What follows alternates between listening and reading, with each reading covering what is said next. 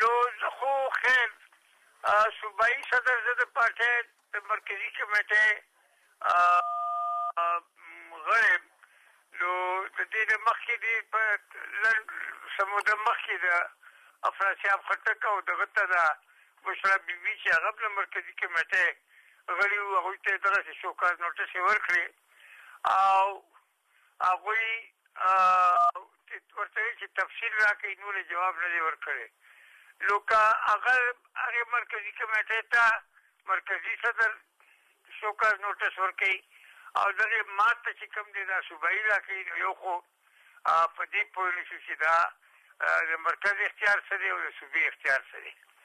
دویمه خبره دا ده چې که صوبايي دوه لاسونو به دې دا صوبایي صدر هم زما د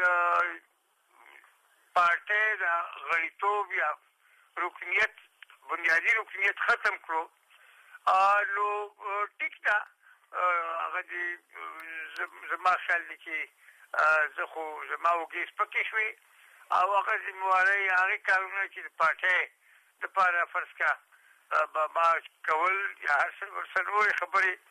خو د هغې نه به زه خلاص شم او زما عمر هم داسې دی نو خدای دې دوی له توفیق ورکړي چې دا پښتانه خپل منزل مقصود ته ورسوي او که خیر چې د دوی په لاس کې د دوی په داسې دعوا کې دوی دغسې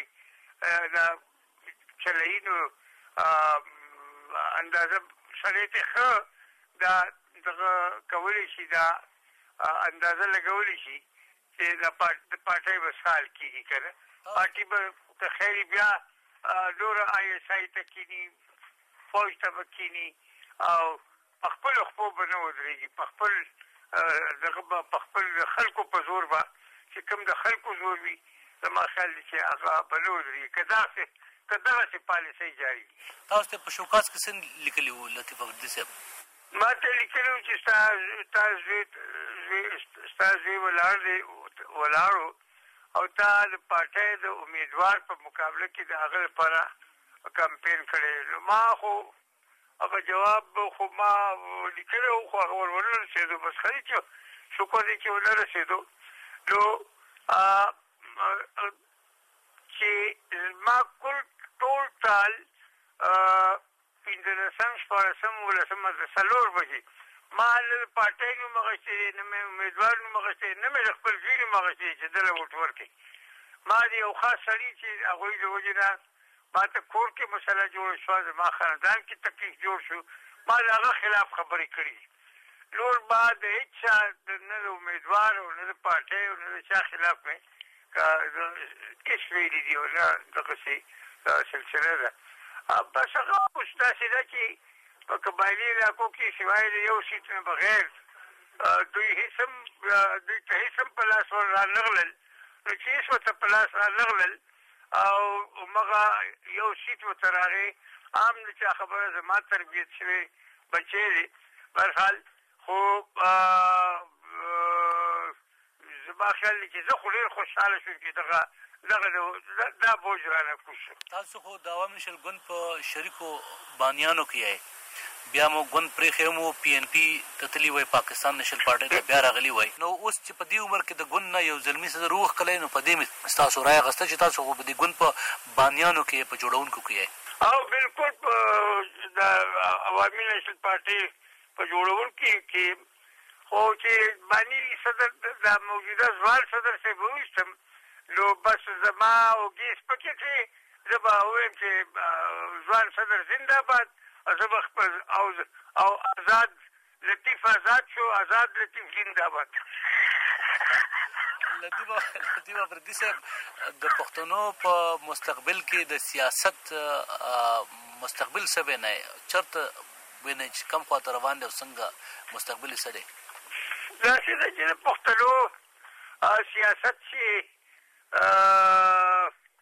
ته روان وي او ستا سټیشن نه وي معلوم چې ته به په کوم سټیشن د ګاډي نه کوزېږي یا ګاډی به په کوم سټیشن ودرېږي یا به زه چې کوم دی زه دا سفر کوم